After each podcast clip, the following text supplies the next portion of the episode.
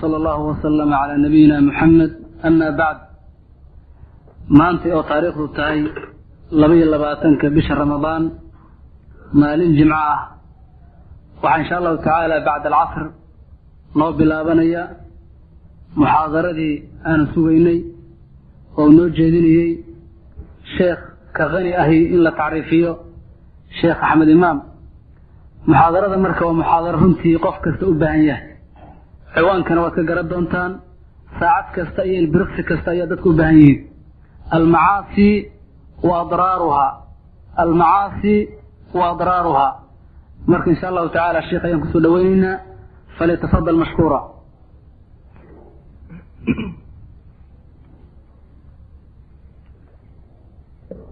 بسم الله الرحمن الرحيم إن الحمد لله نحمده ونستعينه ونستغفره ونستهديه نعوذ بالله من شرور أنفسنا ومن سيئات أعمالنا. من يهده الله فلا مضل له ومن يضلل فلا هادي له. وأشهد أن لا إله إلا الله وحده لا شريك له وأشهد أن محمدا عبده ورasuuله ama bacd muxaadaradeena waxay ku saabsan tahay dunuubta insaanku uu galo iyo adraarta dunuubtaas ka ratibanta oo nataa'ijta ah oo xasmiga ah laga maarmaan ay tahay inay dhacdo dunuubta marka laba qaybood weeyaan. Tarku ma'muurin wa ficl maxduurin. Shay ma'muura ka tegitaankiisa iyo shay maxduura falitaankiisa intaas bay ku kooban tahay. Dunuubta adraarta leh oo insaanku uu adraarteeda dhibaato kala kulmo amase makhluuqa kaleeto. Dunuubta la sameeyo labadaas un weeyaan. Shay ma'muura oo allah subxaana wa tacaala uu amray laga laga tago amase shay maxduur ah oo ilaahay subxaana wa tacaala uu nahiyey la sameeyo. Labadaasuna waxa weeyaan insiga iyo jinniga labadiisa aabbo wixii soo saara weeyaan. Oo allah subxaanahu wa tacaala macsiyadii nabiyullaahi aadam ayuu jannada oo ahayd daarulkhuldi uga soo saaray iyo maaragtay umuna xawaa.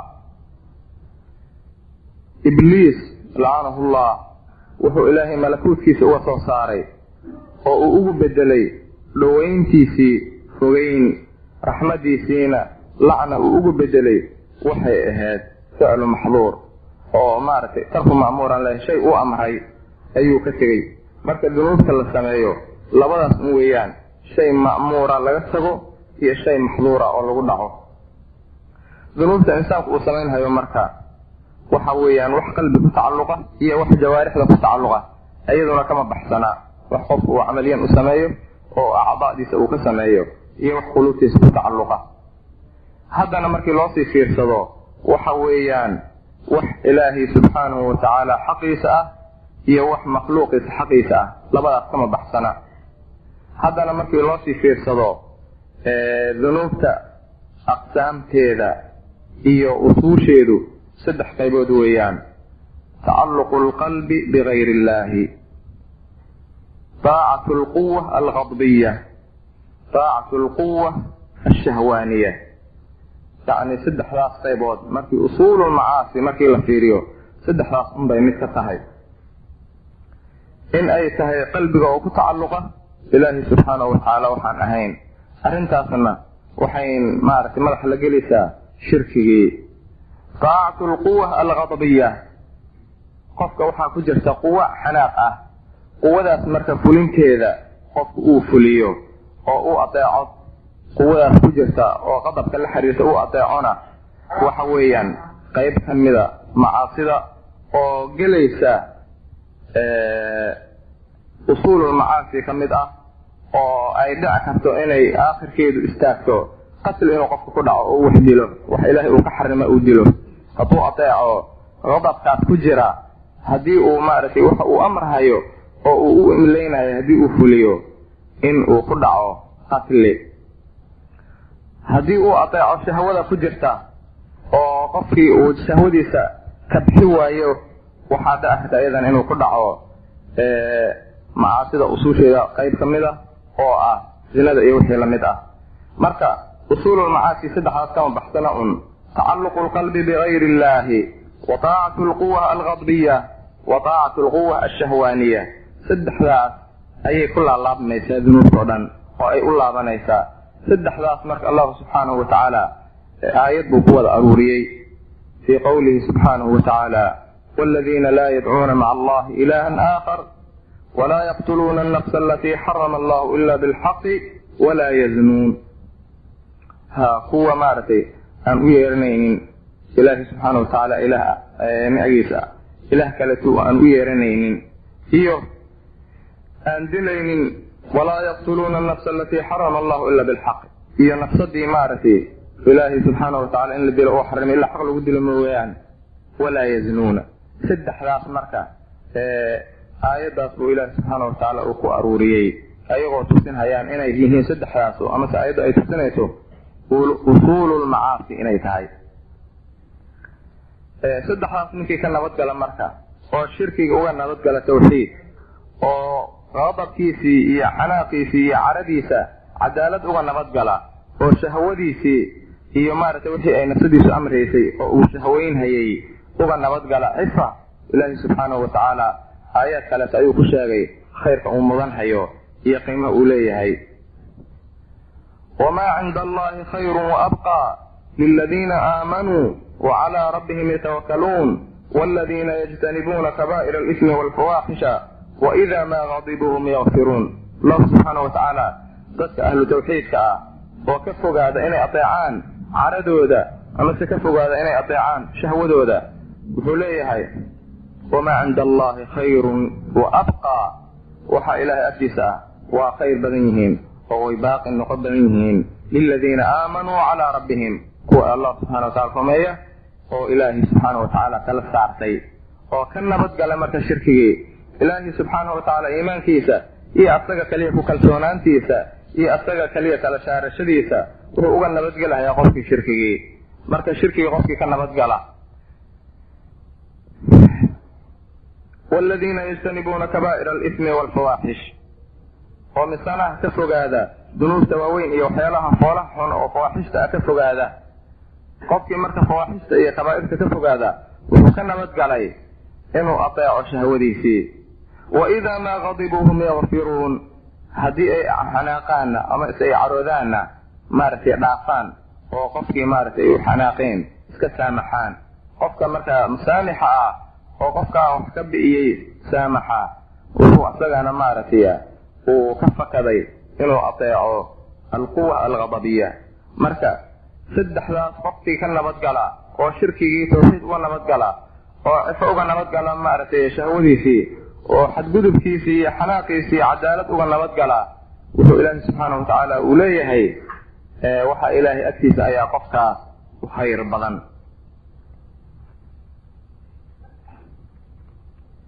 Dunuubtu marka culammadu waxay u qaybiyeen labo laba qaybood weeyaan inay tahay kabaa'ir iyo sakaa'ir kitaabka laga way ku jirtaa sunnadii nebigana way ku jirtaa saxaabadiina way ku ijmaaceen iyo taabiciintii. Dunuubta inay laba qaybood tahay. Dunuub kabaa'ir ah iyo dunuub sakaa'ir ah. Dunuubta kabaa'irta marka inay tirsanto iyo inaysan tirsanin oo ay maaragtay xad kaleeto leedahay culammada laba ra'yi bay leeyihiin. Qolo waxay leeyihiin dunuubta kabaa'irta way tirsantaa. Qolo waxay leeyihiin marka waa afar qaybood. Qolo waxay leeyihiin maaragtay waa toddoba. Cabdullah ibn cabaas wuxuu leeyahay hiya aqrabu ila sabciina min sabcin. Toddobaatan ay u dhowdahay toddoba uga dhowdahay. Way tirsantaa oo way xadaysan tahay. Qolo kale waxay leeyihiin maya lama tiri karo ma tirsanto. Laakiin wax allaale wixii ay ku soo aroortay caro ilaahay iyo lacanadiisa oo aakhiro ah amase adduunyada uu ilaahi subxaanahu watacaala xad uu u sameeyey xad la fuliyo taas ba kabaa'ir ah ayadoo aan la tirinaynin marka qur'aanka intaa fiiriso amase sunnada aa fiiriso nebiga wax allaale wixii caro ku soo aroortay amase lacanada ay ku soo aroortay fi laakhira amase waciid uu ku soo arooray weyn amase maaragtay adduunyada loogu sameeyey xad reeba qofka. Haddii taqwadiisu reebi weyso xad zajriya loo loo maaragtay sharciyeeyey waxaasoo dhan ayaa kabaa'ir ah. Dunuubta marka haddii ay kabaa'ir tahay waxay u baahan tahay qofku inuu ka tooba keeno. Oo tawbatan saadiqatan uu la imaado oo maaragtay tawbadii shuhuuddeeda uu ka soo baxo oo ilaahay uu tooba keeno. Hadday sakaa'ir tahaana waxaa dhici karta marka waxyaalo badan ilaahay subxaana wa tacaala inuu ku saamaxo sakaa'irtaas sida uu ilaahi subxana wa tacala uu leeyahay in tajtanibuu kabaa'ira maa tunhawna canhu nukafir cankum sayi'aatikum haddii aad ka fogaatiin waxaa laydinka nahyinhayo waxooda waaweyn waxaa idinka saamaxaynaa sayi'aadkiina dunuubkiina yaryar. Wanudkilkum mudkhalan kariiman. Aayad kaleeto waatay dhehaysay waladiina yajtanibuuna kabaa'ira alismi waalfawaaxisha waidaa maa qadibuu hum yakfiruun marka shayaalka kabaa'irta ah maaragtay toobay u baahan yihiin laakiin sakaa'irta waxaa dhici karta kabaa'irta uu iska ilaaliyo kaliya. Ilaahay subxaana watacaala inuu kugu dhaafo. Qofka marka haddii uu isdhex yaaciyo oo kabaa'ir iyo sakaa'ir uu ku dhaco marka sakaa'irtii markaas meesha way joogaysaa wax ka kafaaro guda oo ah ijtinaabul kabaa'ir lama hayo markaas. Marka qofkii doonahaya sakaa'irtiisa inay kafaara ay u noqoto kabaa'irta uu ka tago kabaa'irta waa inuu iska ilaaliyaa oo dunuubta waaweyn haddii ay ka dhacaanna markiiba waa inuu sooba dabageliyaa madaakilu lmacaasi macaasida marka meelaha qofka ay ka soo gasho oo loo baahan yahay inuu ku tanabuho oo aada isaga fiiriyo oo waardiye culus uu saaro waxay dhaheen culammadu waa afar. Afar shay ninkii maaragtay xifdiya macaasida uu iska xifdinhayaa. Alkhataraat waxyaalaha qalbiga ku soo dhaca annadaraat waxyaalaha uu indhuhu fiiriyaan. Allafadaat waxyaalaha lagu dhawaaqo. Alkhadawaat iyo maaragtay tilaabaha la qaado. Afartaas ninkii iska koontaroola oo waardiye culus saara. Waxaa dhici karta marka inuu nabad galo oo macaasida uu ka nabad galo. Ayib alkhadawaat allafadaat annadaraat alkhataraat waa afar shay oo afartooduba ay yihiin meelaha macaasidu ay insaanka kaga soo gasho oo madaakisheeda ah.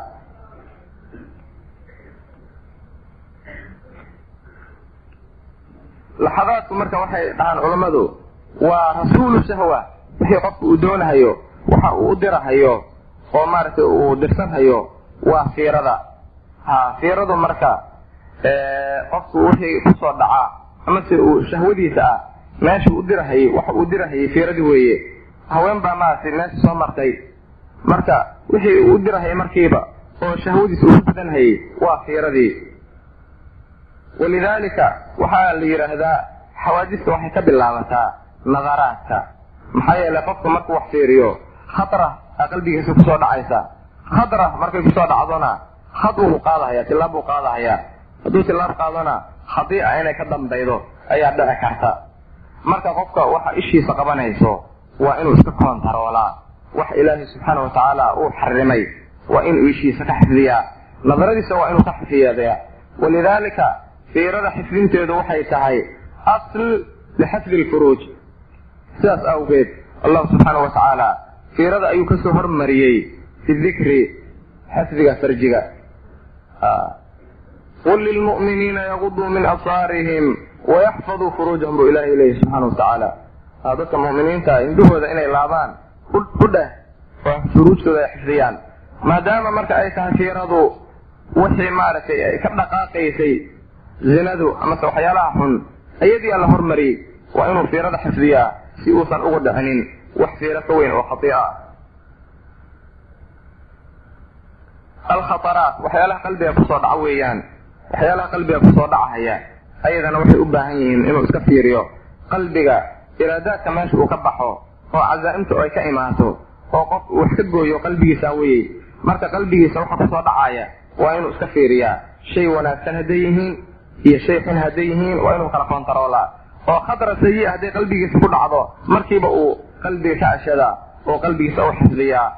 Ha marka qalbiga waxa la ogol yahay inuu lagu wareejiyo waxa weeye maslaxo adduunyo iyo maslaxo aakhiro ay qofka ugu jiraan amase dafcu lmadara addunyawiya aw lukhrawiya qalbigiisa intaas waa inuusan dhaafsiisnayn.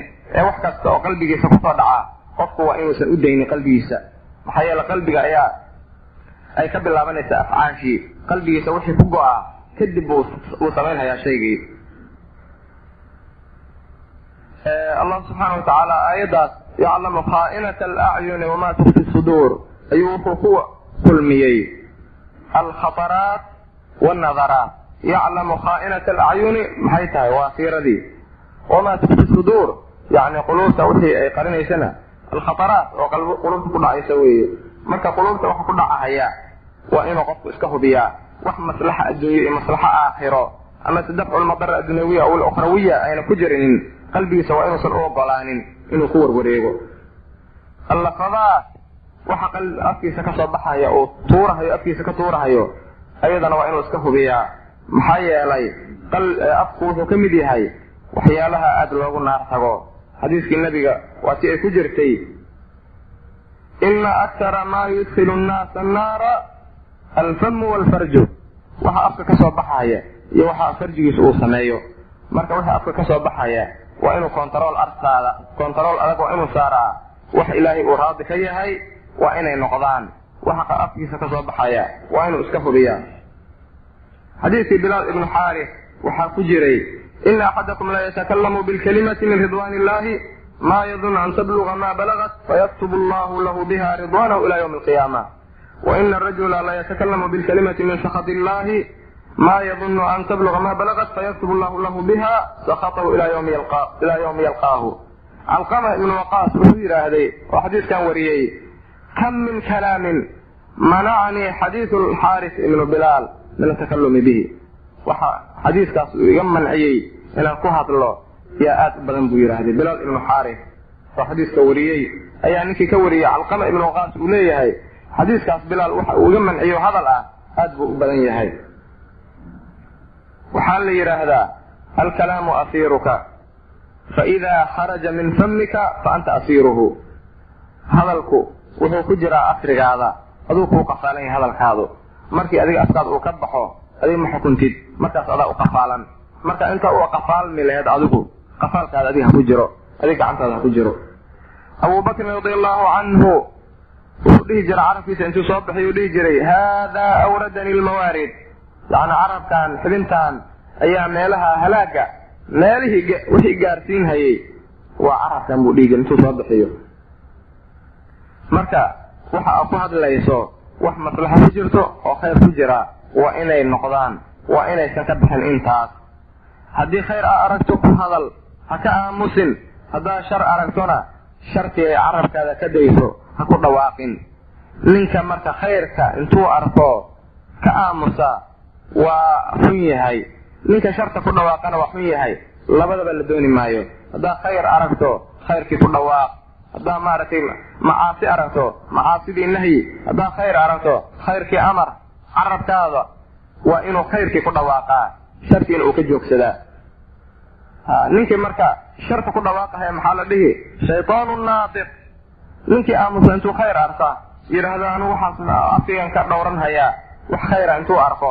Amase shar intuu arko oo la yidhaahdo waxaan halaga hadlo shartaan yidhahdo waa ka dhowrsanhayaa isagana muxuu noqon hayaa shaytaanun aqras shaydaan af leh afla ayuu noqon hayaa marka wax wanaagsan haddaa aragtona ku dhawaaq waxun haddaa aragtona nahyi oo carabkaada u isticmaal fii mardaati illahi subxaanahu watacaala ha qofka waxaa dhici karta alwaracu lkaadib wax la yidhaahdo marmar inay la soo gudboonaadaan oo waxaan warac ahayn warac moodo.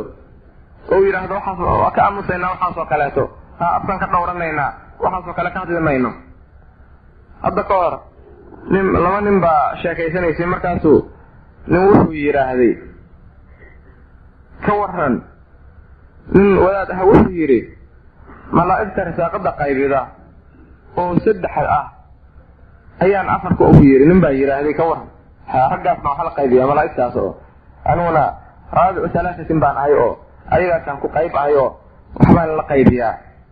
Ninka marka meesha munkarka inuu nahiyo laga doonahayo nin koofi dheer u suran tahay oo cimaamad garabka u saaran tahay oo tusbax qorta u suran yahay oo wadaad u eg. Wuxuu yidhahda waxaas waa ka aamusaynaa waa ka aamusaynaa ma laga aamuso miya? Taas oo kale. Waxa maaragtay faa'iida ku jirto ka aamuskiisa miya. Aamuskaas oo kale marka maxaa la dhihi? Waa shaydaan akrasuy ninkaas oo kaleeto. Ha nin xaqi ka aamusay. Ha wax xun marka aragto marka aamusid macna ku fadhida markaas oo kale. Waa inaa carabkaada adeegsataa jawharta ilaahay uu kugu siiyey inaa maarata xaqa ku difaacdo.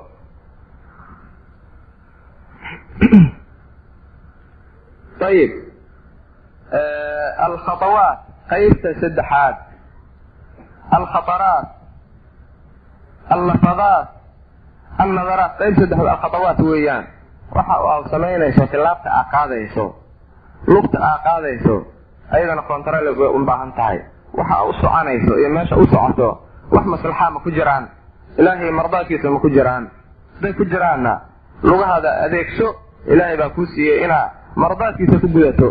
Haddii wuxun maarata u socoto meelaan fiicnayn haddii aad u socoto lugahaada casho ilaahay kuuma saynin macaasidiisa inaad ku gudato.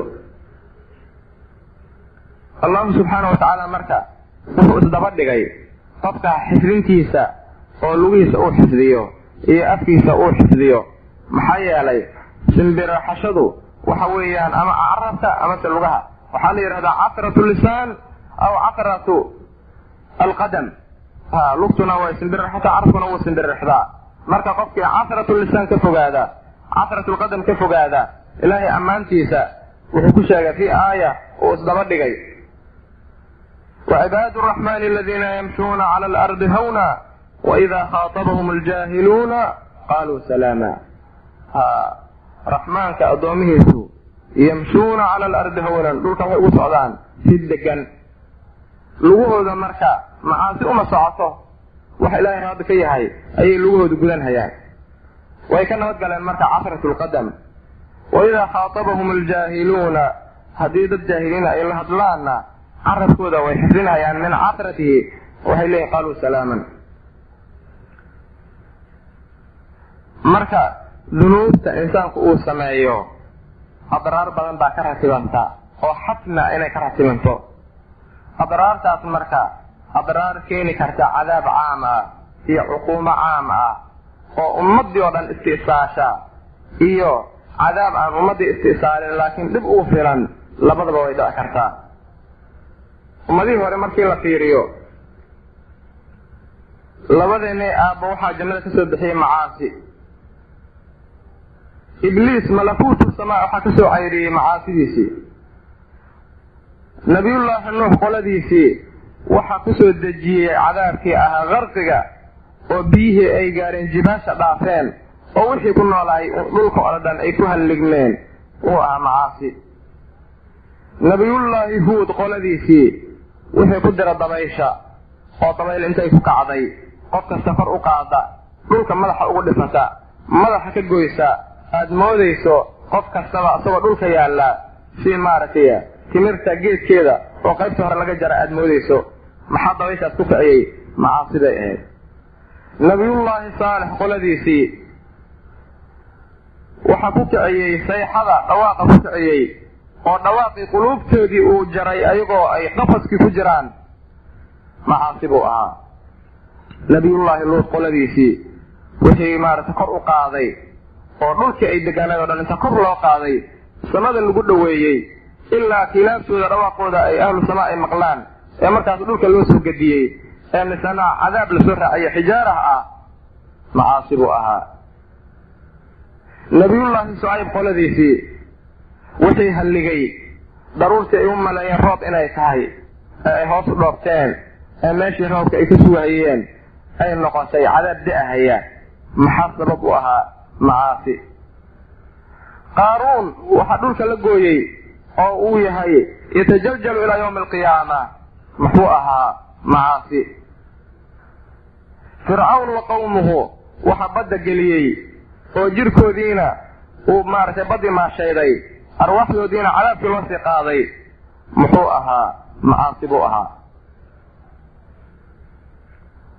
Allah subxaana wa tacaala isagoo sheegaya marka asbaabaha cadaabyadaas keeneen. Wuxuu yidhaahday fakullan akadnaa bidanbihi faminhum man arsalnaa calayhi xaasiba. Waminhum man akhadathu sayxa. Waminhum man khasafnaa bihi larda waminhum man agraqna wama kana allahu liyadlimahum walakin kanuu anfusahum yadlimuuna ummadihii hore marka markii ay wax sameeyaan cadaab caam ah oo musta'sil ah ayaa ku dhici jiray. Laakiin ummaddan cadaabkaa waxaa dhici kara marka musta'silka oo ayagoo dhan dhammeeya in maaragtay uuna ku dhicinin nebiga maaragtay ducadiisa awgeeda. Nabigu waa si uu ku duceeyey xadiiskii uu wariyey sacd bin abi waqaas uu yidhaahdee aqbaltu maca rasuuli llahi sala allahu alayhi wasalama fii طaa'ifatin min asxaabihi min alcaaliya xata ida mara bimasjidi bani mucaawiya dakala farakaca rakcatayni wasallayna macahu wadacaa rabbahu طawiila uma sarafa ilayna faqala sa'altu rabbii halaaan faacطaanii sinatayni wamanacanii waaxidatan sa'altu rabbii an laa yahlika ummatii bisana faacطaaniiha وسألت ربي أن لا يهلك أمتي بالغرق فأعطانيها وسألت أن لا يجعل بأسهم بينهم شديد فمنعنيها نبgu ilaahay buu ka baryayey marka ummadda inaan lagu halaaginin cadaab caam ah oo ay ka mid tahay abaar tirtirta ummadoo dhan amase qarg intooda oo la maasheeyo ayagoo dhan oo ay baaba'aan. oo ummadoo dhan istisaal uu ku dhaco nabigu ilaahay buu ka baryay inaysan taas u dhicin waana ka yeelay. Tii saddexaad marka oo ah ummadda maaragtay ayaga dhexdooda inaan dhibaato dhicinin waa loo diiday marka. Ummadda dhexdooda markasta dhibaato ayaa jirta. Marka xadiiskaas wuxuu tusinhayaa ummadda inaan maaragtay halaag caama oo baabi'iyo ayagoo dhan inaysan la kulmaynin laakiin adraarta macaasida ay sameeyaan macaasi kastaba inay u keenayso nooc adraar ka mid a xadiiska cabdullahi ibn cabbaas uu wariyey oo dabaraana uu wariyey sanadkiisuna xasan yahay wuxuu ahaa maa tafafa qawmun kaylan walaa bakhasuu miisaanan ilaa manacahum allahu lqatra qola haddii ay fududeeyaan miisaanka kaylka ay fududeeyaan beeda oo miisaanka ay nuqsaamiyaan ilaahay wuxuu ka mancinhayaa roobkii walaa dahara fii qawmin izina ilaa dahara fiihim lmawtu qola haddii ay zina ka muuqato oo zinada aada ay muuqato ilaan macaasida dararka midda keenta midda muuqato weeyaan oo aan la nahyin qofka hadduu gurigiisa intuu isku xiro uu wuxuu doono sameeyo waxaa dhici karta in laga nabadgalo cuquubo laakiin haddii macaasidu dibadda u soo baxdo oo dadku ay arkaan oo aan la nahyinin markaas cuquubo dadkii o dhan aan ku khaasayn asagii ayaa imaanaysa maxaa yeele cuquubaadku laba qaybood weeyaan. Cuquubaad qadariya wa cuquubaad sharciya ninka marka macaasida sameeya oo zaaniga ah amase luutiga ah amase saariqa ah amase qaadco dariiqa ah amase qaatilka ah xuduudii sharciga ah haddii cuquubaadka sharciga haddii aan laga fulinin oo dadka ay ku fiirsadaan cuquubaadka sharciga ah waxay isu bedelahayaan cuquubaad kawni ah.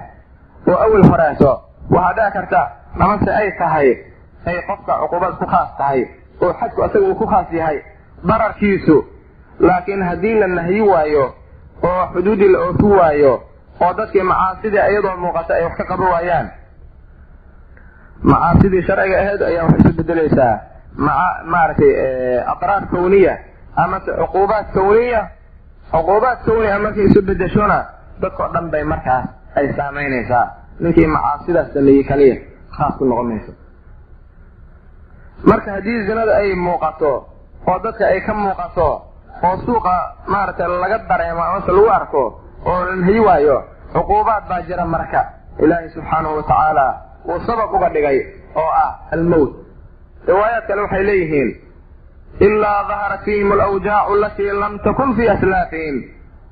Awjaac iyo amraad aan dadkii horeeto aan ku jirinin oo aysan aqoon ayaa loo keenaya masalan hadda cudurrada ay zinadu keento hadda oo la ogyahay caalamka maaragtay aidiska iyo herbiska iyo zuhriga maradka la yidhahdo waxaasoo dhan waxa weeye amraad hor aan loo aqoonin oo ay isku waafaqsan yihiin dadku inay zinadu sabab u tahay iyo luutiyadu. Allahu calayhim aljunuun. Haddii qola maaragtay ribo ay daahir ka noqoto oo ay wax ka qaban waayaanna ilaahay jinni buu ku ridaa dadkooda. Majaaniin bay dad badan ka noqdaan walaa dahara fii qawmin ilqatlu yaqtulu bacduhum bacdan ilaa sallata allahu calayhim caduwahum haddii qolo maaragtay ayagu ay isdilaan oo maaragtay qatligu uu muuqdo ilaahay wuxuu ku ciqaabaa qolo kaleeto inuu ka adeejiyo oo baabi'isa wamaa dahara fii qawmin camalu qawmi luutin ilaa dahara fiihim alkhasfu luut qoladiisi waxay samay jireen haddii dadku ay sameeyaan oo ay muuqato ilaahay wuxuu u keenayaa khasfi in dhulka lala gooyo wamaa taraka qawmun alamra bilmacruufi wannahyi cani lmunkari ilaa lam turfac acmaaluhum walam yusmac ducaa'uhum tanaaba ugu daranba dadka haddii ay ka tagaan macruufka inay dadka amraan oo munkarka ay nahiyiyaan dacwadooda lagama aqbalhayo acmaashoodana kor loo qaadi maayo waa musiibo taagan weeyaan marka macaasida haddii ay muuqato oo dadkii ay nahyi waayaan oo shaygii macruufkaha dadka ay is-amri waayaan oo nin kastaaba uu ka jeesto arrintaas waxaa ka dhacaysa marka ka dhaadanaysa natiijo aada u liidata oo lam turfac acmaaluhum walam yusmac ducaa'uhum ducada hadda waan ducaynaynaa oo ramadaankii waan ducaynaynaa waa la qunuudahayaa waxaa dhici karta marka wax maaragtay inaan lagala kulmin natiijo ah maxaa yeele waxaa maqan ruknigii ducada lagu aqbalahayey oo ah alamru bilmacruufi wannahyi can lmunkar wadaad maaragtay culamada xaramka ku akrisaa ayaa maalin la weydiiyey waxaa la yidhi sheekh lix bilood ayaa waxaa loo qunuudahayey xaramka labada xaranba albosna walharsak ayaa loo qunuudahayey marka ka waran yani lix bilood baa labada xaram laga qunuudahayay salaad sida ay u badan yihiin salaadaha oo ayagaa loo ducaynahayey sirbina waa la habaarahayey. Salaad jumcoo kasta iyo salaadaha gobolkood wax natiijana lama hayo lix bilood baa in la wada arrintii. Markaas buu wuxuu yidhaahday lixdaas bilood ducadii aan daldalaynay. Waxaa muuqata waxba inaan nalka aqbalin. Maxaa yeelay nimanka dhibkii weli wuu hayaa. Arrintaasna waxay u laabanaysaa buu leeyahay ribadaa aada maaragtay dhulka ugu jirta. Macruufkana aada dadka looma amro. Munkarkana aada looma nahiyo. Marka ishkaalku halkaas inuu ka yimid baan u malayn buu yidhaahday dacwadii aan daldalaynina wax natiija ilal aan lagu mahayo lix bilood baa la ducaynhay marka xadiiska xadiis xasana weeye waxaana ku jira arrin aada u khatar ah saa ujeediin oo macruufka amarkiisa iyo maaragtay munkarka haddii laga tago in dadkii aan dacwadii laga aqbalaynin. Waana arrin aada maaragtay khatar u ah. Masaa'ibta marka ka ratibatan dunuubta oo insaanka dunuubta uu sameeyno macaasida ka ratibmaysa macaasidaas nataa'ijteedu asaga kuma khaas ahaa wixii dhulka kula nool oo dhan dhibaatada way la gaaraysaa. Haddii ay imaato cuquubaad hadday imaadaan cuquubaadkaas caan bay noqon hayaan. Qofkii dembiga sameeyey iyo qofaan samayn iyo xayawaanaadkii kale xataa dhulkii ku nool. Ta'siir bay gelinaysaa arrintaas. Sida abu hurayra uu yidhaahday ina alxubaara latamuutu fii wakriha min dulmi aalimi shimbirta la xubaara wuxuu yidhaahday oo shimbir maaragtay baadiyaha iska wareega oo cawskiisa cuna ah. Wuxuu yidhaahday waxay u dhimanaysaa oo ay ku dhimanaysaa buulkeedii. Ninka daalima dulmigiisa ay u dhimanaysaa. Mujaahid isagana wuxuu yidhaahday ina albahaa'ima talcanu cusaata bani aadam ida ishtaddat isana bahaa-imtu waxay lacinaan oo lacnad ku ridaan bani aadamka dadkooda cusaada ah sanadku markii uu cuslaado oo roobkii la waayo oo roobki uu soo da'i waayo waxay tidhaahdaa haadaa bishu'mi macsiyati bani aadam arrintaan maaragtay dhibkaana haystaa macaasidaas insaanku uu samaynhayo shumigeedii weeyaan akrima isagana wuxuu yidhaahday dawaabu lardi wahawaamuhaa xata alkhanaafisu walcaqaaribu yaquuluuna munacna alqatra bidunuubi bani aadam. Wuxuu leeyahay maaragtay bahaa-imta iyo dhulka dawaabta ku nool oo dhan xata alkhanaafis dameeraha iyo maaragtay caqaaribta iyo waxay leeyihiin qatarkii waxaa naloo kaga manciyey insaanka dunuubtiisii.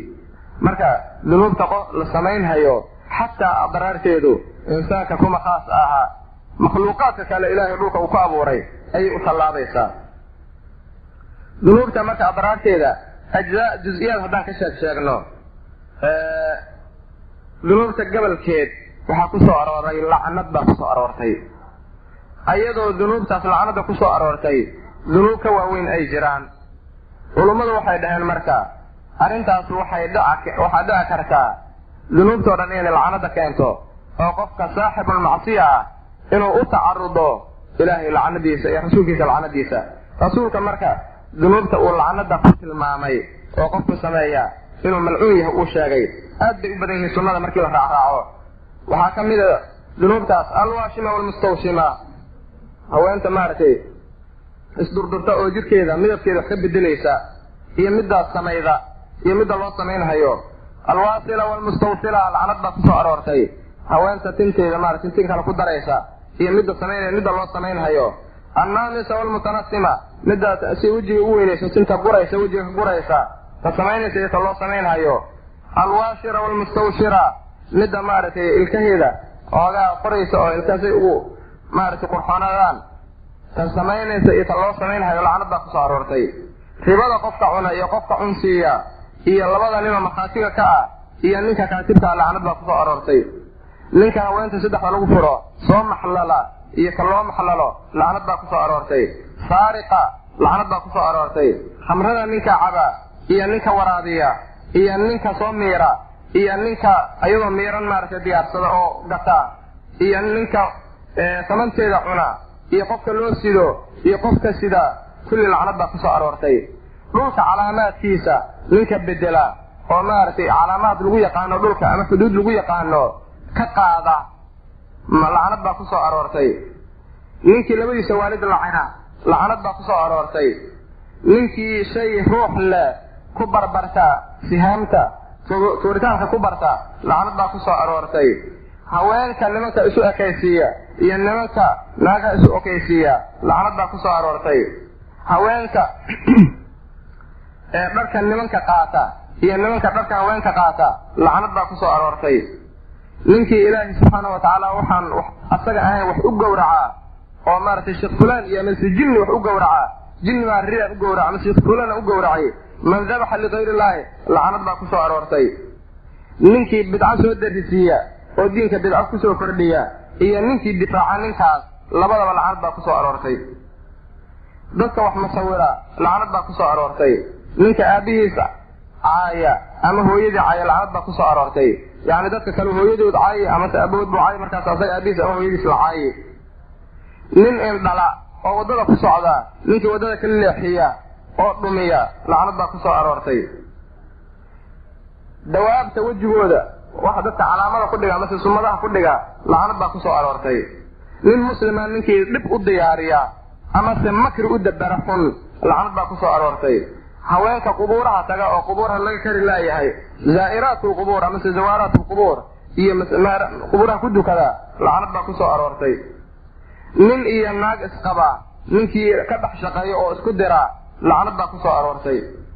Haweentiisa ninkii gadaal uga taga lacnad baa ku soo aroortay. Haweentiisa hadday firaashkii diido inay u imaato oo habeenka ay baba bariisato asagoo iyadu firaashkeeda ninka firaashkiisa ka fog lacnad baa ku soo aroortay ninkii nasab aan lahayn u nasbo sheegta oo dadaan dhalinin waa dhalin yidhaahda lacnad baa ku soo aroortay. Nin walaalkiisa nin bir ku tilmaa ku ishaara amase qori maaragta ku sii jeediya lacnad baa ku soo aroortay. Maxaa sidaas lacnad ay ku soo aroortay culamadu waxay dhaheen. Oo ay ka sugnaatay axaadiis saxiixa nabigu inuu lacinay. Macaasi ka waaweyn baa jirta. Marka qofkii saaxibulmacaasi ah waxaa dhici karta inay asbaab ugu noqoto macaasidaasu lacnadii rasuulka inuu galo oo malcuun uu noqdo oo qof ka fog amase laga fogeeyey ilaahay ad naxariistiisa inuu noqdo.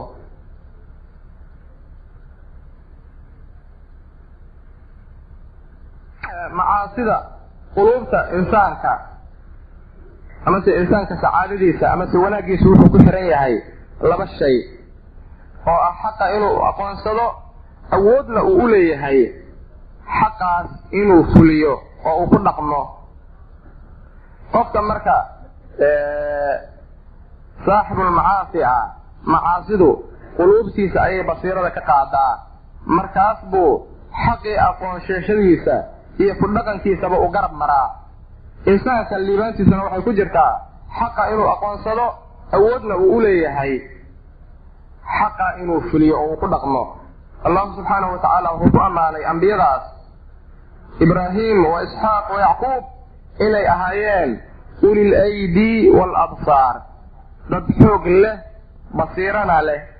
Xoog ay ku fuliyaan. Waxaas basiiradeeda ay ku fahmeen. Basiiradu waa macrifa diinkasay u yaqaaneen iyo basiiradaas awood bay leedahay ay diinkii ku fuliyaan. Marka qofka liibaantiisa waxay ku jirtaa marka inuu basiiro xaqa u lahaado oo xaqii uu fahmo xaqii awood uu ku fuliyo oo shajaaco ilaahay uu geliyey quluubtiisa iyo jirkiisa shajaaco u geliyeyna inuu leeyahay uu xaqi uu ku fuliyo. Maxaa yeelay dadka marka markii saas la yidhaahdo nin basiiro ilaahay uu siiyey quwana uu siiyey waa maarata kamaalka meesha ugu sarraysa. Waxaa dhici kara marka nin basiiro leh oo diinka wax ka fahamsan laakiin ilaahay una shajaaco gelinin oo xaqii aan fuli karinin. Ninkaas marka waxaa ka wanaagsan ninka maaragtay mu'minka oo qawiga ah. Almu'minu qawiyu khayrun wa axabu ila allahi min almu'min daciif. Waxaa dhici karta qofku inuu awood leeyahay oo maaragtay himma ay ku jirto oo dhaqdhaqaaq leh laakiin diinkii una basiiro u lahayn. Qofkaasna wax badan buu kharibi karaa oo takhriib badan buu samayn karaa. Waxaa la rabaa xaqa fahmidiisa iyo fulintiisu inay isla socdaan. Qofka marka saaxibulmacaasi ah basiiradii xaqana way ka baaba'aysaa hadduuna basiiro lahaynna wax uu fulinaya ma jiraan. Qaybta afaraad marka waxa weeyaan qaybta ay culummadu dhahaan aragtidoodu jirkay cudur u tahay joogitaankooduna dadku dhulka ku cariiriyaa raashinkana uu ku qaaliyaa wax qiima ma laha. Asxaabulmacaasi wujuudkoodu qiimo ma laha. Dadka maaragta basiiradooda ay gubato oo xaqa aan fahamsanayn oo aan doonayn oo aan ku dhaqmayn oo inay ku dhaqmaan aan doonaynin. Wujuudkoodu qiimo ma laha. Ha culammadu waxay dhahaan yudayiquuna cala annaasi almasaakin wa yuqluuna alascaar dadkana dhulkana waa ku cariiriyaan saarkana waa ku korayaan moogiye. Wax macaani ay leeyihiin qiimo a ma laha. Adraarta macaasida waxaa ka mid a risiqa inuu qofka maaragtay saaxibulmacaasi ah inuu sabab u noqdo risaaqada inay cariiri noqoto oo fasaad dhulka uu ka dhaco oo timaartii ay xumaato oo roobkii uu yaraado. Xadiiskii maaragtay tawbaan waxaa ku jiray alladii rawaahu imaam axmed fi lmusnad ina arajula la yuxramu alrisqa bidanbi yusiibuhu. Qofka waxaa looga xarimaa risiq dembi uu asiibay. Allah subxaana wa tacaalana qur'aan ku yidhaahday dahara alfasaadu fi lbari waalbaxri bima kasabat aydi nnaas bariga iyo baxrigaba fasaadkii baa ka muuqday. Barigu waa dhulka baadiyaha ah. Baxrigana waxaa loo jeedaa dadka ahlulqura amase ahluriif ah oo biyo ku nool oo biyo haysta. Marka dadka ahluriifka ah amase ahlulqura ah magaalada jooga iyo dadka maaragtay baadiyaha jooga labadaba fasaad baa u yimaaday ka dhashay waxa ay sameeyeen oo ah timaartii oo yaraata roobkii oo yaraada wixii soo go'aayoo la waayo.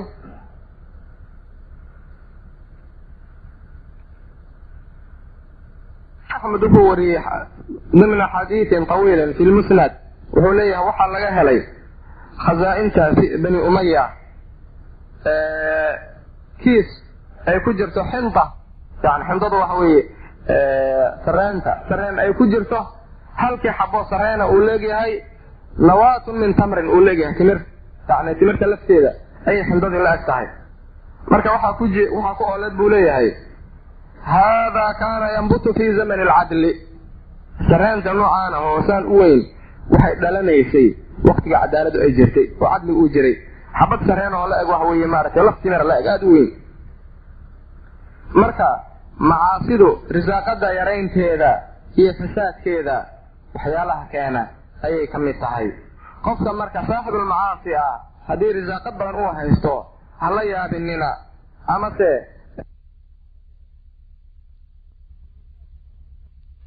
xinta yani xintadu waxa weeye sareenta sareen ay ku jirto halkii xabo sareena uu leegyahay nawaatun min tamrin uu leegyahay timir. Yani timirta lafteeda ayay xindadii la eg tahay. Marka waxaa ku waxaa ku ooleed buu leeyahay. Hada kaana yambutu fi zamani alcadli sareenta noocaan ah oo saan u weyn waxay dhalanaysay waktiga cadaaladu ay jirtay oo cadli uu jiray. Xabad sareen oo la eg waxa weeye maaragtay laf la eg aada u weyn. Marka macaasidu risaaqada yaraynteeda iyo fasaadkeeda waxyaalaha keena ayay ka mid tahay. Qofka marka saaxibulmacaasi ah haddii risaaqad badan uu haysto ha la yaabinina amase dadka uuba ka xoolaroon yahay waxaa la yidhaha taas oo kaleeto istidraaj baa la yidhaahdaa sida xadiiska cuqba ibnu camir ku jirtay idaa ra'ayta allaha caza wajalla yucطi alcabda min addunya calaa macaasiihi maa yuxibu fainama huwa istidraaj. Yani ilaahay baa u sugahaya un oo wakti la sugahaya haddaa aragto nin macaasi ku sugan oo maca daalika ilaahay uu adduunyo siiyey waa istidraaj. Yani ilaahay waktiguu la sugahayaa ee ma aha waxuu uga raadi yahay iyo wax maaragtay wanaaggiisa uu ku muta ma aha wakti uu qab laga siiyo ayuu la sugahayaa sidii aayadda ku jirtay falamaa nasuu maa dukiruu bihi fataxnaa calayhim abwaaba kulli shayin xataa idaa farixuu bima uutuu akhadnaahum baktatan markii ay hilmaameen oo ay ka jeesteen wuxuu lagu waaniyey shay kasta baabkiisaan u furnay markii waxa la siiyey ay ku farxeen ayaan si kada u qabannay marka. Salafka gobolkiisa waxay dhihi jireen idaa ra'ayta allaha yutaabicu calayka nicamahu wa anta muqiimun calaa macaasiihi faxdarhu fainamaa huwa istidraajun. Haddaa aragto ilaahay inuu nicmo uu israaxaacinayo uu ku siiyo adoo macaasidiisa ku sugan arrintaas un inay istidraaj tahay ku garo. Macaasida adraarteeda waxaa ka mid ah qofka quluubtiisa in ay daboosho oo qofkii xaqa uu fahmi diido markaas kadib oo qalbigiisa uu noqdo qalbi qunfulan oo aan waxba gelaynin sida aayadda ku jirtay kallaa bal raana calaa quluubihim maa kaanuu yagsibuuna ha quluubtooda waxaa dabooshay wixii ay samaynhayeen afcaasha ay samaynhayeen xadiiska abu hurayra marka tirmidi wariyey wuxuu ahaa lafdigiisa ina almu'mina idaa adnaba danban nukita fii qalbihi nuktatun sawdaa haddii qalbi haddii qofku uu dembi sameeyo qalbigiisa waxaa lagu qorahayaa wax madow. Fa taaba wastakfara fuqila qalbuhu haddii uu toobo keeno oo uu istikfaarsado qalbigiisa markaas waa laga tirtiraya wixii wain zaada hadduu macaasidii ziyaadiyo zaadat way ziyaadaysaa xataa tacluwa qalbahu. Fadalika araanu aladii dakara allahu caza wajalla kalaa bal raana calaa quluubihim ma kaanuu yagsibuun xasan albasri wuxuu yidhaahday huwa dembu cala dembi xataa yacmal qalbu. Dembi oo dembi oo dembi ka dambeeya ilaa qofka qalbigiisu uu ka indhabeelo. Marka macaasiyadii waxaa marka qofka u keeni kartaa inuu qalbigiisu xirmo oo duuduubmo oo intikaaf uu ku dhaco meeshii korayda ay hoos marto oo markaas kadib inaan hangelinin oo qalbigiisa saas uu ku dhammaado. Macaasida adraarteeda waxaa ka mid ah nisyaanu llahi lahu waa qofkana ilaahay subxaana watacaala inuu ka tago oo uu ka jeesto qofkuna nafsadiisa uu ilaahay ka jeediyo masaalixdeeda. Ha yaa ayuha aladiina aamanu walaa takunuu kaladiina nasu llaha faansaahum anfusahum ilahay leeyahay ha ha ahaanina kuwa maaragtay a ilaahay ka tegey oo ilaahay uu nafsadoodii ka tegsiiyey aayad kale ilahay wuxuu ku leeyahay nasu llaha fanasiyahum ilahay bay ka tageen isaguna uu ka tegey ilaahay marka ka tegitaankiisu waa inuu raxmadiisa iyo kaalmihiisa iyo tawfiiqdiisa kala laabtaa oo qofkana uu isu daaya asaga. oo misena qofkaas u hilmaansiiyaa amase uu dhaafiyaa wixii maslaxadiisa ah. Qofkii marka waxaa dhici karta inuu noqdo nafsadiisa nin cadow ku ah oo maslaxadeeda aan garanaynin oo maslaxadeeda wax cagsigeeda ah haben iyo maalin u taagan. Ninkaas marka waxa weeyaan nin ilaahayna uu ka tegey nafsadiisana maslaxadeedii uu hilmaansiiyey. Macaasibaa u keenta marka maxaa yeele hadda ninka maaragtay habeen iyo maalin sagaar dhuuqahaya ama sajaad cabahaya ama xashiishad iska badinhaya ama khamro cabahaya adraarta ay intaan adraarta diinkiisa u keenayso intaan la gaarin adraarta ay jirkeeda u keenayso isagaba wuu dareensan yahay. Maca daalika ka joogsan maayo. Maxaa yeelay cuquuba haysa oo ah ilaahay nafsadiisii u hilmaansiya isaga maslaxadiisi maslaxadeedii. Macaasida qofka waxay u keentaa dulli ilaahay inuu dulleeyo oo khalqigiisa dhexdiisa uu daliil noqdo qofka saaxibulmacaasi ah.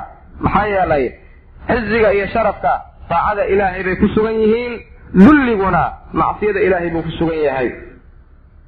Salafka gobolkood waxay ku ducaysan jireen allahuma acizanii bitaacatika walaa tudillanii bimacsiyatika ilaahu maaragtay igu cizay daacadaada oo ha igu dullayn macsiyadaada xadiiska cabdullaahi bnu camrin uu wariyey waxaa ku jirtay oo imaam axmed filmusnad uu ku wariyey bisanadin xasan buciftu bayna yaday saacati wa jucila risqii taxta dilli rumxi wa jucila adillu waasagaaru calaa man khaalafa amrii waman tashabaha biqowmin fahuwa minhum. Xadiiska cabdullahi bnu camrin wuxuu leeyahay rasuulku saacadda horteeda ayaa laysoo diray risqigay waxaa laga yeelay ama laga dhigay warankayga hooskiisa dulli iyo hoosayn waxay saaran tahay amarkayga waxay khilaafa. Dad dadkii isu ekaysiiyana kuwaas isu ekaysiiyen bay ka mid yihiin. Marka dulli iyo hoosayn waxay ku sugan tahay ilaahay macaasidiisa. Ninkii ilaahay caasiya oo dunuubtiisa ka dhowrsa waaya ilaahay bay dulli buu saarahayaa. Xasan albasri markuu arko nimanka madaxda ah oo maaragtay isqurxiya oo daabooyin fiican soo fuula wuxuu dhihi jiray inahum wain daqdaqat bihim albigaalu wahamlajat bihim albaraadiinu baraadiinu faina dulla almacsiyati laa yufaariqu quluubahum aba allahu ila an yudilla man casaahu inahum wallahi wain daqdaqat bihim albigaal wahamlajat bihim albaraadiin faina dulla almacsiyati laa yufaariqu quluubahum aba allahu ila an yudilla man casaahu wuxuu yidhaahday baqlayaalkuba hala dhaqdhaqeeyeen. Amase farduhu hala buubeen oo hala ordeene macsiyada dulligooda qulubtooda buu ku sugan yahay buu dhihi jiray. Nimankaas ilaahay wuu diiday ilaa nin macsiyadiisa ka shaqeeya inuu duleeyo moogiye alimaam almujaahid azaahid cabdullahi mubaarak shicirkiisa waxaa ku jirtay ra'aytu dunuuba tumiitu lquluuba waqad yuurisu dulla idmaanuha wa tarku dunuubi xayaatu lquluubi wa khayrun linnafsi kacsiyaanuha wahal afsada diina ila almuluuku wa axbaaru suu'in wa ruhbaanuha waxaan arkay buu leeyahay dunuubtu inay quluubta disho oo quluubtii ay dhimato dunuubta marka laasimideeda waxay dhaxasiidaa dulli bay qofka oo dhaxasiidaa oo u koontaa dunuubta ka tegitaankeeda quluubta noloshaydii weeyaan. Nafsadaada waxaa u khayr badan inaa ayadaa khilaafto oo aada caasido. Diinka waxaa fasahaadiya saddex qolo. Muluugta boqorada aan u abayeelayn sharciga iyo axbaaru suu-in dadka culammada ah oo culamaa suu ah culammada liidata oo diinkii ka been sheegta oo siduu u ahay aan dadka u gaarsiinin iyo dadka ruhbaanta ah. Ruhbaantu waa waxa weeye ahlu ahlu taacaat yani taacaad bay sameeyaan laakiin diinkii aqoon uma laha. Way cibaadaystaan cibaadaadka way ku dadaalaan diinkiisa aqoon uma laha. Marka ifsaad badan bay ayaguna keeni karaanoo waxyaalo khaladaada intay sameeyaan oo caamadu ay ku kalsoonaato. Inay caamadu ku raacdo dhici karta oo diinka fasaad ay ka soo geliyaan meeshaas. Macaasida waxaa ka mid a adraarta ay keento xirmaanu lcilmi inay cilmiga ka xirmaaniso qofka. Maxaa yeelay cilmigu waa nuur. Ilaahi subxaana wa tacaala qofka uu qalbiga u geliyo nuurkaasna macaasida ayaa daminaysa marka.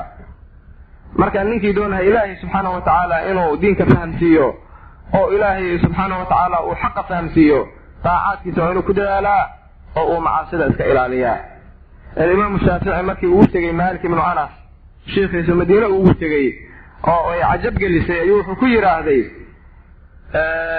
inii ara allaha qad alqaa calaa qalbika nuuran falaa tudfi'hu bidulmati lmacsiya waxaan arkaa buu yidhaahday shaafici buu ku leeyahy imaam maalik qalbigaada ilaahay nuur inuu geliyey ayaan u jeedaa buu leeyahay oo fahmi badan ilaahay uu ku siiyey oo dakaa badan ilaahay uu ku geliyey.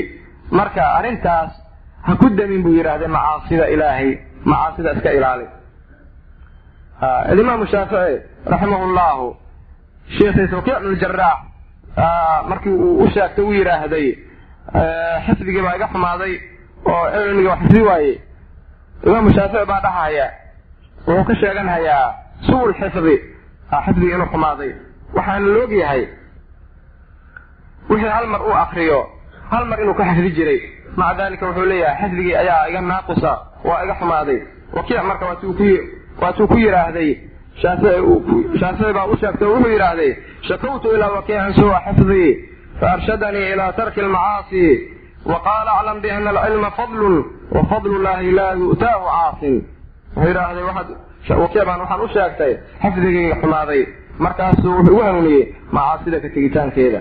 Markaasuu wuxuu yidhaahday cilmigu waa fadli fadliga ilaahayna caasi lama siiyo amase dunuubta waxaa ka mid a adraarta ay keento macsiyo qofku markuu sameeyo macsiyadaas mid kale inay dhasho oo ay isdhalaan oo mid markuu sameeyoba keyrkeedna ay soo jiido ayagu.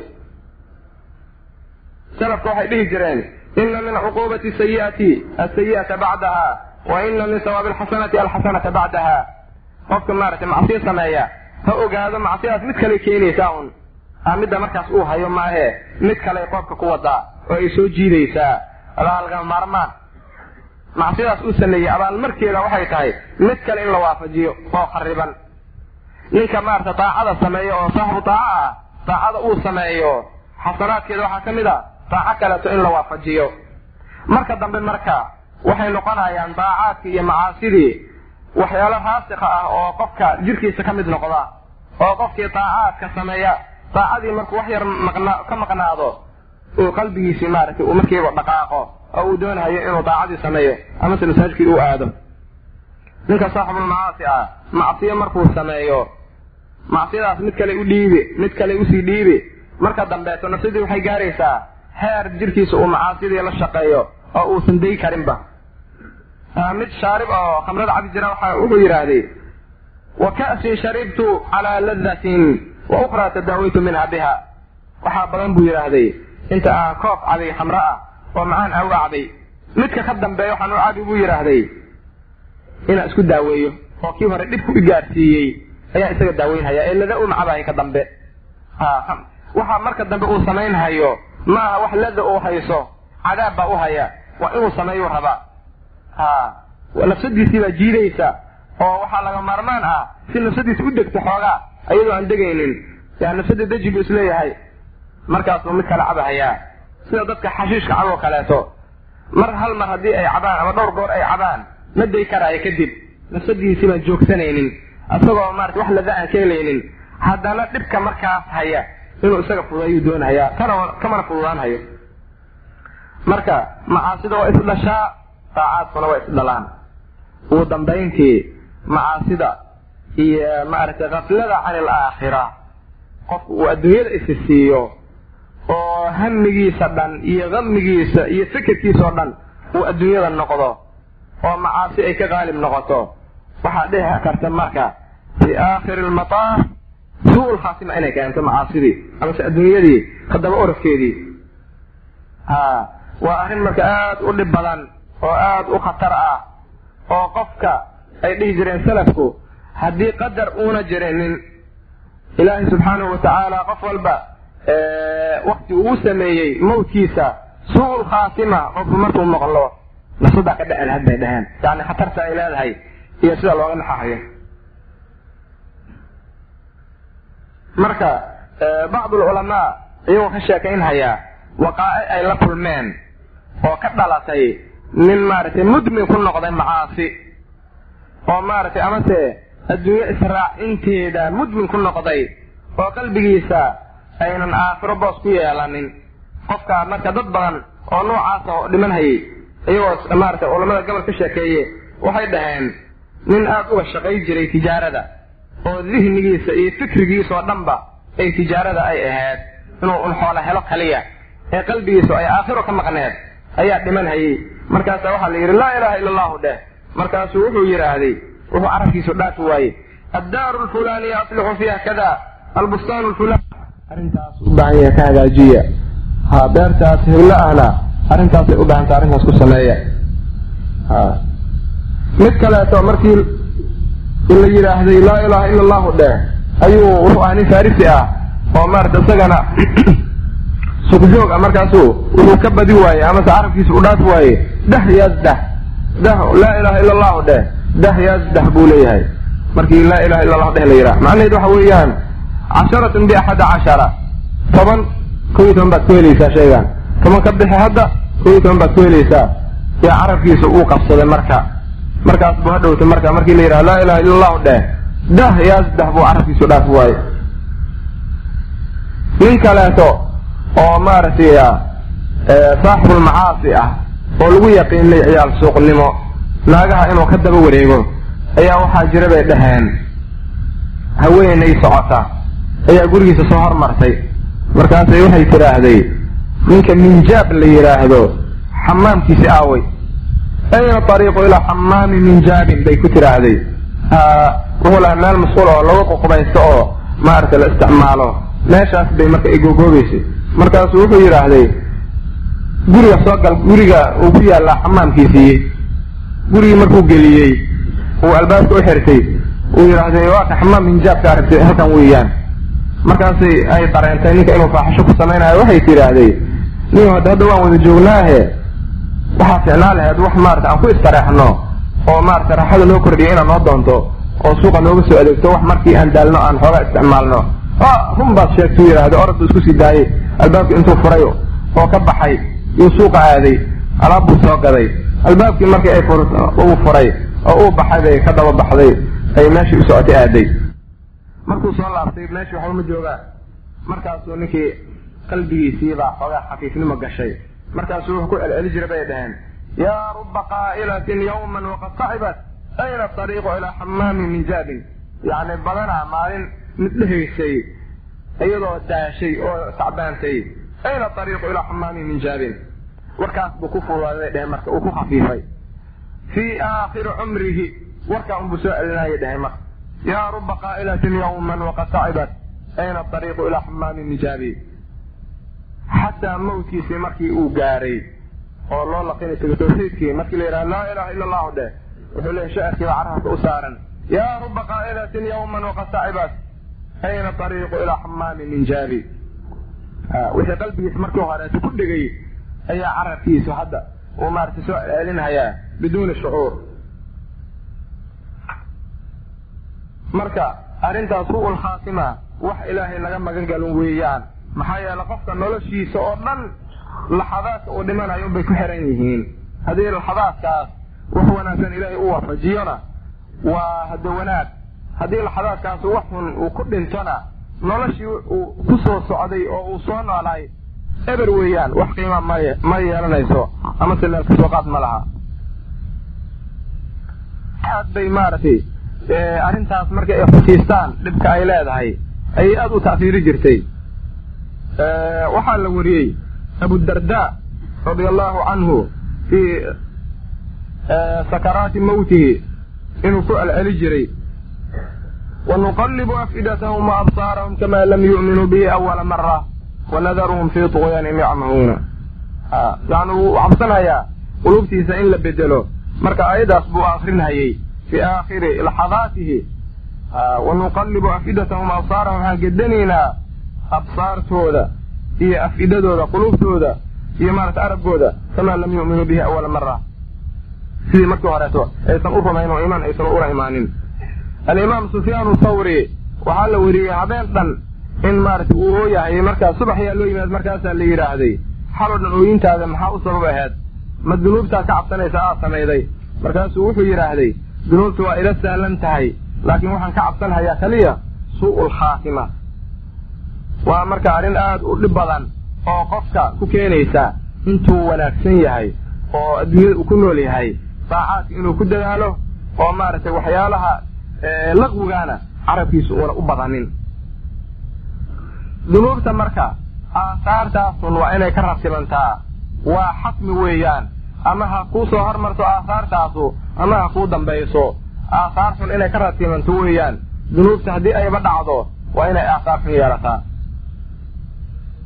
Abudarda waxaa ka mid ahda aqwaashiisa ucbuduu rabbakum kaanakum tarawnahu wacudduu anfusakum min almawta waaclamuu ana qaliilan yugniikum khayrun min katiirin yudfiikum waaclamuu ana albira laa yablaa wadanbu laa yunsaa xaasilku waxa weeyaan dembiga uu qofku aahaartiis haddii markaas aynan qabsanin oo adraartiisu markaas aynan la soo gudboonaan waa dhigaal meel u yaalla. Waa dhigaal meel u yaalla oo uu sugahayo maalin maalmaha ka mid a dhibkaa inuu qabsado. Waa daruuri weeyaan. Maxaa yeelay dembigu wax la hilmaamayo ma aha. Ha lama hilmaamo asaga. Maxamed ibnu siriin alimaamu taabici ljaliil maaragtay mar baa dayn ay fuushay oo dayn badan lagu yeeshay. Markaas buu aad xusni u galay oo uu aad u tiiraanyooday. Markaasaa la yidhaahday dayn lagu leeyahay miya xusnigan kuu keenay.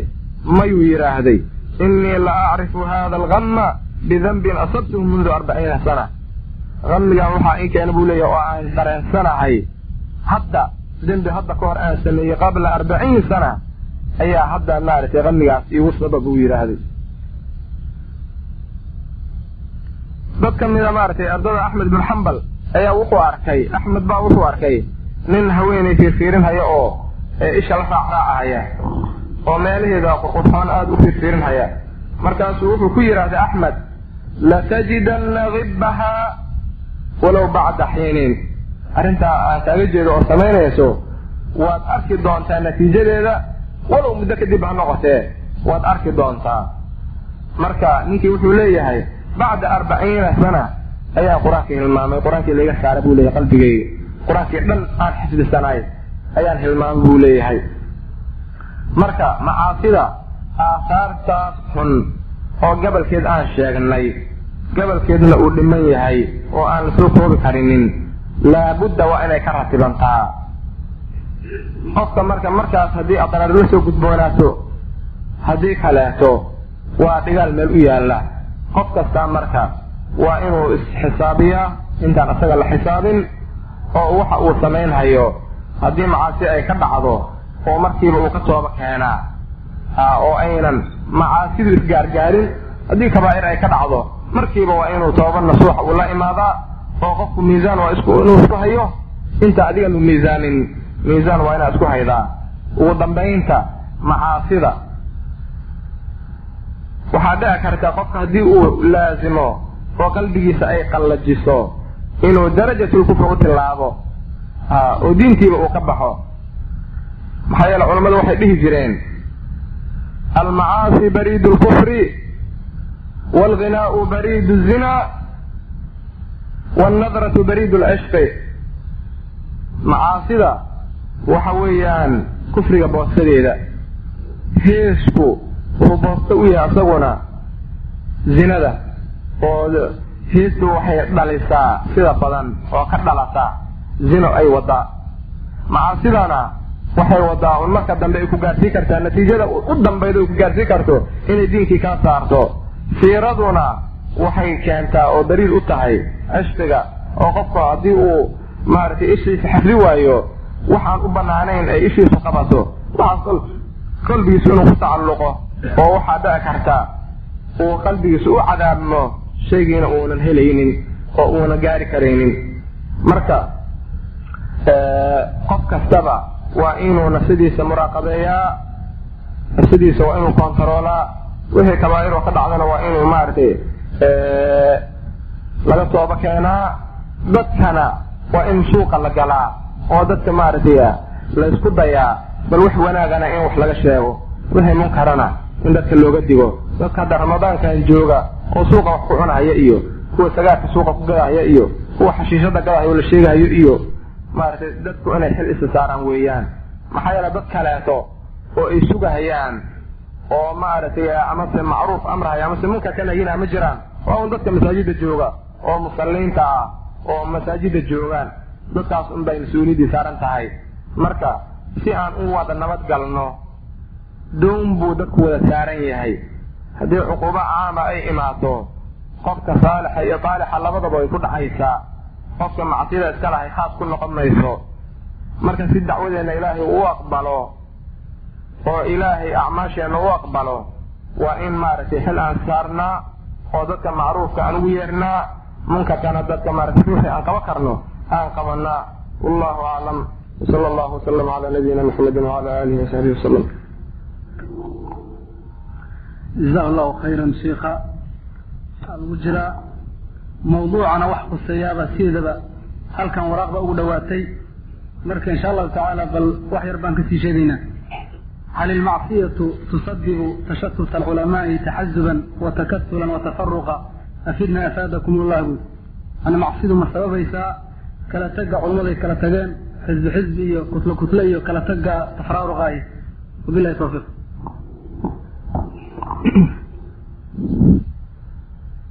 bismillahi raxmaan raxiim culummadu waxay dhahaan khilaafka iyo kala tagga.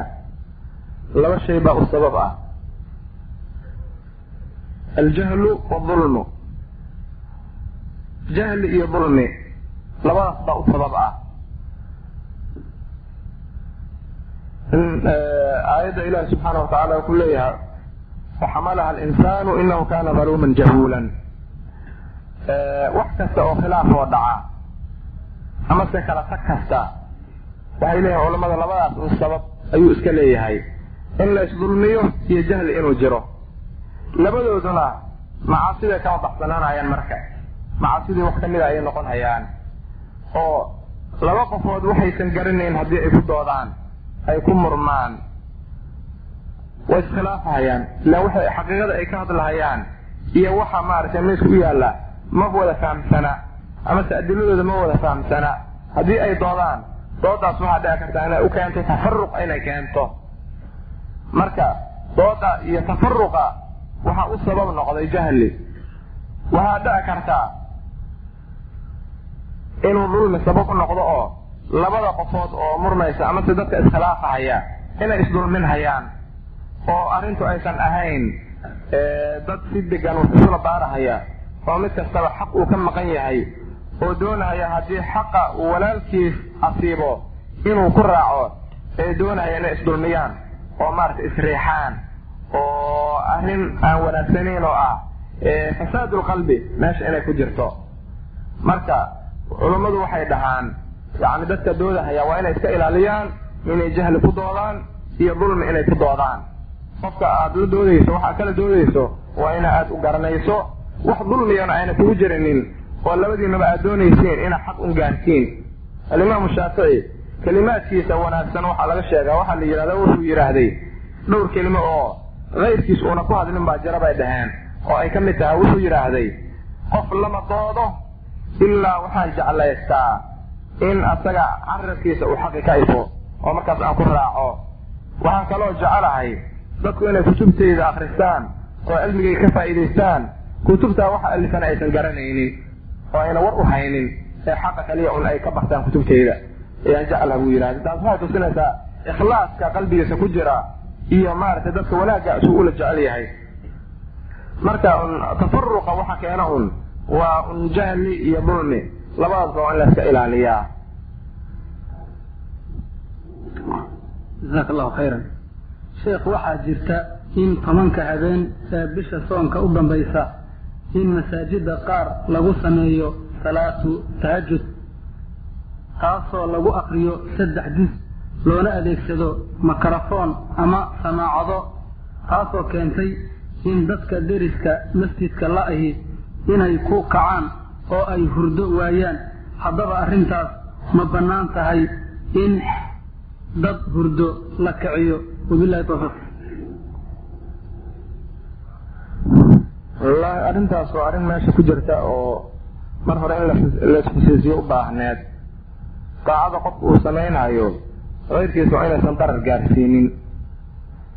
Adiga haddaad tahajudayso oo aad maaragtay daaco samaysanayso daacadaas haddii ay ka dhalato kayrka inuu darar ku soo gaaro daacadii maxay kugu taraysaa dararkaas baa ka darane qof iska jiraan amase dad maras iska ah amase dad ciyaal ah haddii ay ku soo jeedaan qur'aanka masaajidka laga akrinayo ay seexo waayaan oo darar meeshaas uga xasilo waxaa muuqata maaragtay in dararka laga hormariyo maslaxadaas iyo maaragtay daacada laga hormariyo dararka fiirintiisa.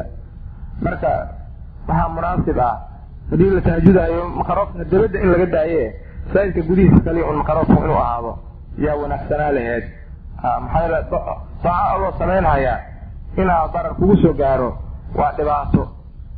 Marka masaajida laga tahajudaayo waxaa ficnaa laheyd makarofanadooda in gudaha kaliya maaragtay ay xuseeyaan oo gudaha kaliya makarofanada ah kaliya la daaro. Oo dadka aan lagu dhibinin deriska ah maaragta jasaaka allahu khayran sheekh waxaa jirta in walaalkay oo jira yoog uu iisoo oo uu iisoo dhiibay dhar. Marka dharkii waxaa ka mid ah qaar ay ku qoran tahay sida bismillaahi moxamed marka maxaan ku sameeyaa sheekhow dharkaa isaga ahi. Waa dhar magaalo ku jira iraan sheekh. Arrintaas hadda ka hor baa ishkaal noocaasa uu dhacay oo marmar baa waxaa la keeni jiray xaramka aan ku aragnay qobo markii qofku ku istaago allah ay soo baxayso oo hoos jaanteeda hoose ay lafduljalaala ku masawirantaha aan ma kala daraynayn laakiin markii dhulka lagu istaago ay soo baxayso iyo dhar maaragtay lafduljalaala amase bisim uu ku qoran yahay qofka cawradeeda meesha qaabilaysa oo kaleeto. Marka waxay ka mid taha un waxyaalaha yuhuudda iyo nasaarada ay dadka muslimiinta ku caragelinhayaan amase ay ku dhibhayaan marka dhar noocaas oo kaleeto ah qofka waa inuusan xiranin oo uu ka jaraa meeshii maaragtay ay asmaaullahi iyo maaragtay sifaatu ay ku yaaleen waa inuu ka jaraa oo dhar noocaas oo kaleeto ah waa inuusan xiran. Maxaa yeele waxaa ka xasilaysa maaragtay inuu ihaanaysto. Ilaahay asmaadiisa iyo sifaatkiisa inuu ihaaneeyo baa ka dhalanaysa haddii uu dhar saas oo kaleeto u xirto.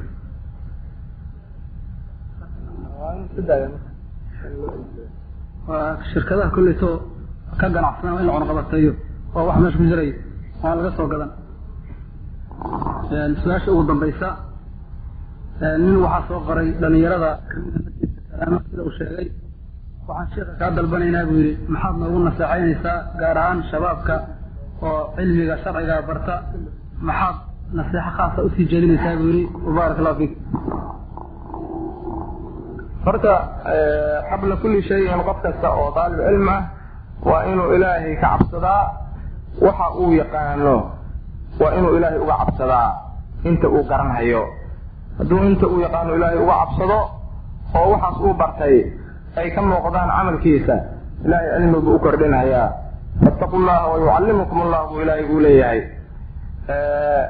bishri alxaafi ninka la dhihi jira wuxuu dhihi jiray dadka muxadisiinta marka uu la kulmo yaa ahla alxadiidi adduu zakaata xadiidikum icmaluu min kulli miatayni bikhamsa laba boqol oo kasta oo xadiis bal laba shan un kamida uga camal fala buu dhihi jiray marka ninka maarata taalibu cilmiga ah cilmiga waa inuu ka muuqdaa oo wuxuu u yaqaano uu ku camal falaa oo zakada xadiiska waa inuu gutaa oo ah ku camal falid intaas kadibna waa inuu ku dadaalaa xifdiga waxa la yidhaahdo berigii horeeto yani dad dadka ku irshaadiya xifdiga ma una jirin oo waktigii xifdiga u wanaagsanaay wax lagu irshaadiya maanaa soo helin laakiin cilmiga waxa weeyaan xaafilkiisu waa xifdi. Qofkii aan wax xifdisanayn waxba gacantiisa kuma jiraan.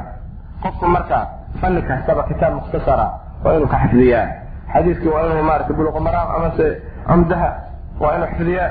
Haddii maarata naxwo ay tahay kitaab mukhtasara naxwo inuu xifdiyo. Haddii ay tahay maarata culum xadiis kitaab yaroo mukhtasara culum xadiis. Haddii ay usuul fiqi tahay kitaab yaroo mukhtasara usuul ah waa inuu xifdiyaa qofka marka gacantiisa wax maxfuudaada waa inay ku jiraan. Haddii qofka una xifdisanayn waxa weeyaan cilmigiisu waxay ku jiraan marka